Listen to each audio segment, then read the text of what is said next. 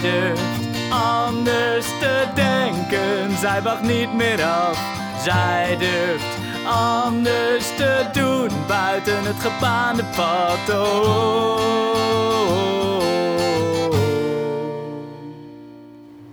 Worden mensen in de zorg te strak gehouden? Zijn zij dienstbaar geworden aan regels, aan protocollen, aan hoe het nou eenmaal gaat?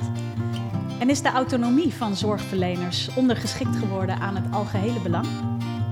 Misschien is het wel tijd om rebels te worden, om vurige autonomie, leiderschap en beroepstrots te laten zien en te gaan zorgen buiten de lijntjes. Je luistert naar een podcast van het Van Kleef Instituut. Mijn naam is Wendelin Wouters en in deze aflevering, die je kunt luisteren onderweg van cliënt naar cliënt of onderweg naar huis, praat ik met Marita de Kleine. Marita is verzorgende IG en voorzitter van VN-VN Verzorgende. En met haar praat ik over beroepstrots. Marita, welkom. Wanneer ervoer jij voor het laatst beroepstrots? Gisteravond tijdens mijn avonddienst. Wat gebeurde daar? Dat ik kon zorgen dat de mens die daar woont een goede avond had. Prettig naar bed kon gaan Mhm. en uit kon gaan rusten. En wat maakte dat je daar die beroepstrots voelde? Dat je er kunt zijn ehm, op dat moment dat die ander jou nodig heeft. Mhm. En dat je datgene kunt doen voor hem of haar wat, wat diegene zelf niet meer kan. Dus dat, dat je naast die mens staat, dat hij toch voelt dat hij nog gewoon mens is en ertoe doet. Is dat ook een, ehm, een belangrijk ding in, voor jou überhaupt in de zorg? Dat een mens een mens blijft? Ja, dat is eigenlijk mijn, de kern van waaruit ik mijn werk doe. De mens mag mens blijven en zijn. Ja. En die patiënt, dat, dat is meer een, een, eh, een toestand waarin die terecht is gekomen, kan ik dat zo zeggen? Ja, je bent mens en je krijgt, doordat je ouder wordt, vaak van alles wat je eigenlijk niet wilt. En wat je soms niet eens eens in de gaten hebt dat je dat nodig hebt. Hè. Ik heb nu ook zelf een leesbril nodig. Komt heel vanzelfsprekend, heel langzaam op je pad. En als En heel gaat- vanzelfsprekend ben jij daar dan bij op een bepaald moment. Ja, en mensen die in. Ik werk in het verpleeghuis. Er wonen mensen met geen gezond brein. Dat gaat vaak niet van het een op het andere moment. Bij sommige mensen wel, maar bij sommigen gaat dat heel geleidelijk. Of het komt door een ziektebeeld wat iemand eh, heeft gekregen. Maar die mens blijf jij. Jij blijft gewoon die mens die jij vanaf jouw geboorte, jouw oorsprong was. En die laten zien en die behouden, dat hoort voor Ja, jou heel erg bij Dat is, beroepstrots. eh, dat is heel erg eh, hetgeen waar ik voor ga, voor beroepstrots. Ja, jij, ehm, jij bent eh, veel verschenen, mag ik wel zeggen, in de media de afgelopen tijd. In bladen. maar je hebt bijvoorbeeld vorig jaar kerst, of 2020 was het eigenlijk. Hè? Het was nog het begin, zou je nu kunnen zeggen, van de coronacrisis. Toen eh, liet Van Dissel van het RIVM zich heel negatief uit over het opleidingsniveau van verzorgenden. En jij hebt toen gezegd dat is een klap in het gezicht. Ja. Waarom was dat zo'n klap? De verzorgende, ehm, de verzorgende beroepsgroep is een hele grote groep mensen, mannen, vrouwen, in het zorglandschap. Ehm, wij zijn vaak heel onzichtbaar, maar we doen ontzettend veel. En we staan altijd naast die mens die die zorg nodig heeft.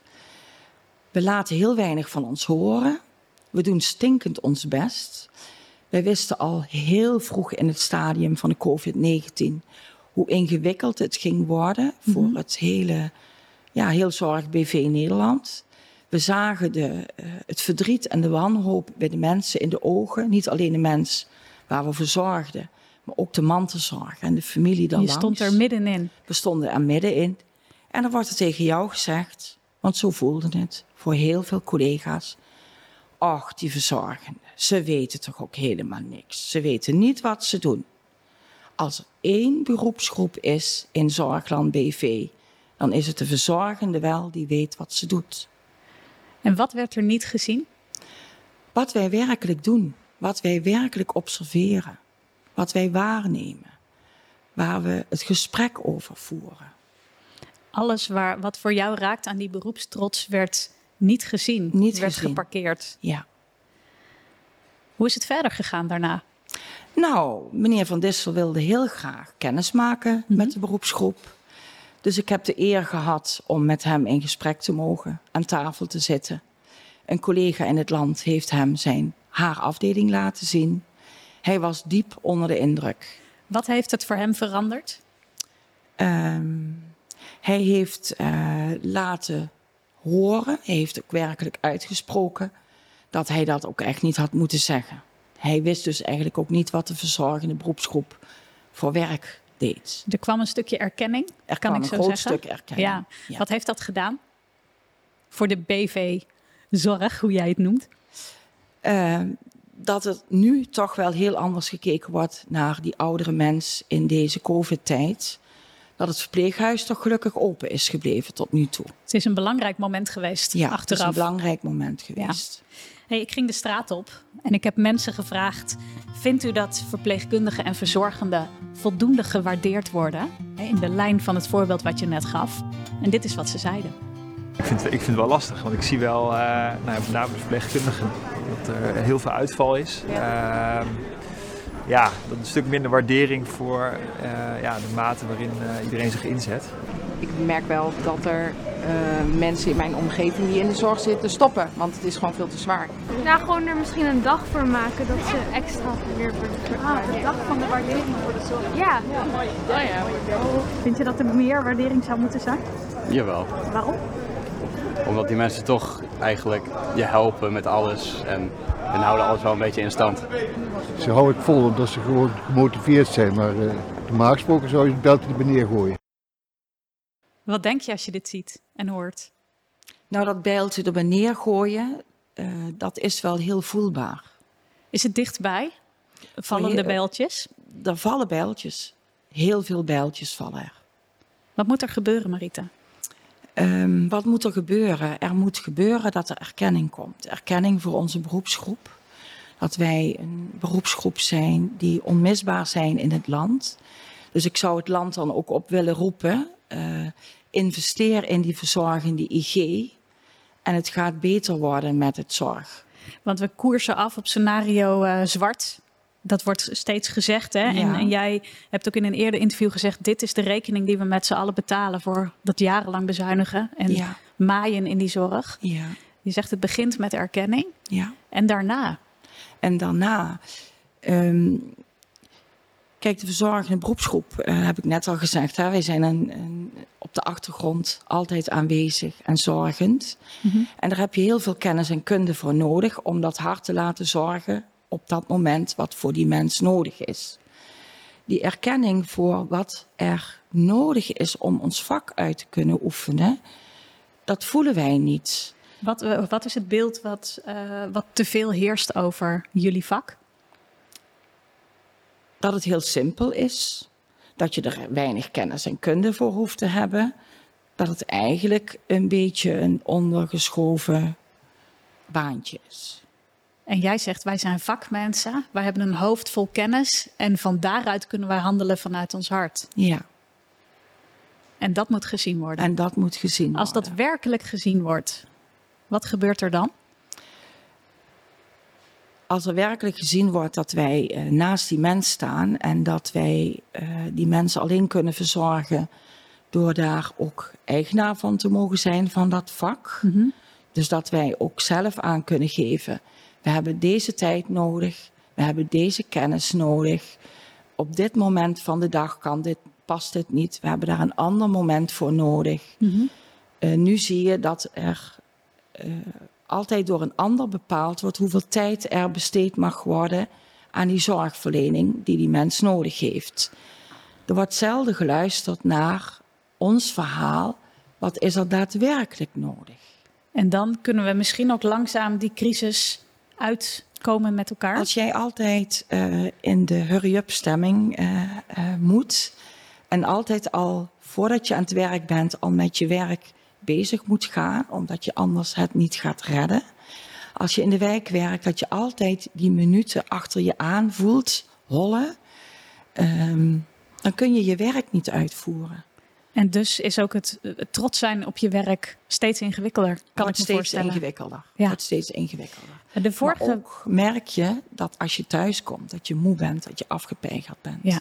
Omdat je altijd in die marathon zit. De vorige podcast sprak ik met eh, Pieter Bas Lalleman over leiderschap. En uh, ik vroeg hem, wat zou je van Marita willen weten? En hij zei, um, uit onderzoek blijkt dat um, verzorgenden uh, wel steeds meer een stem krijgen, maar dat het lastig is. En um, helpt meer stem krijgen uh, bij die zichtbaarheid voor het vak. Dat hoop ik. Ik mm -hmm. hoop dat die uh, meer stem krijgen maakt dat we zichtbaarder worden. En de beroepstrots, wat gebeurt daar dan mee? Um, beroepstrots. Um, beroepstrots komt altijd pas op het laatst.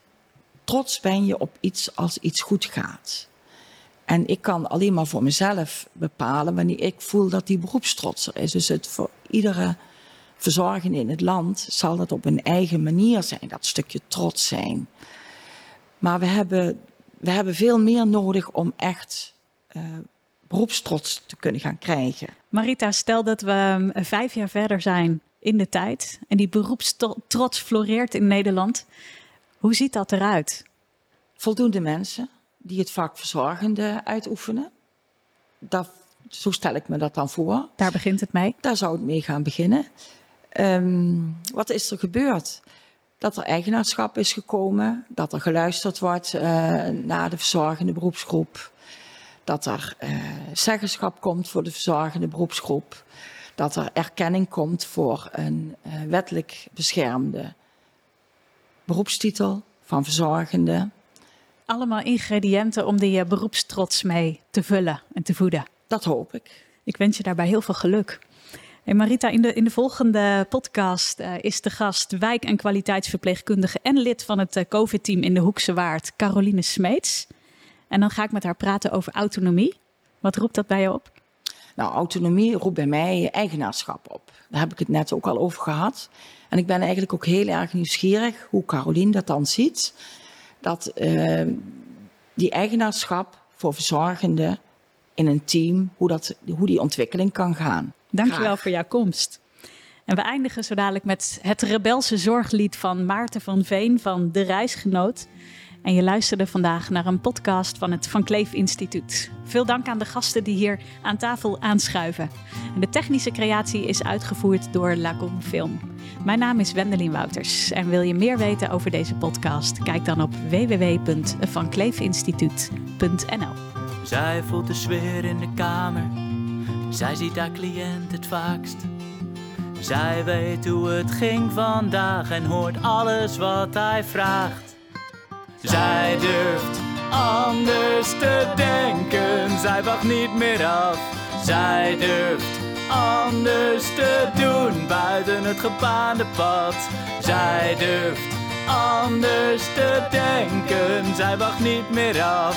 Zij durft anders te doen buiten het gebaande pad. Oh, oh.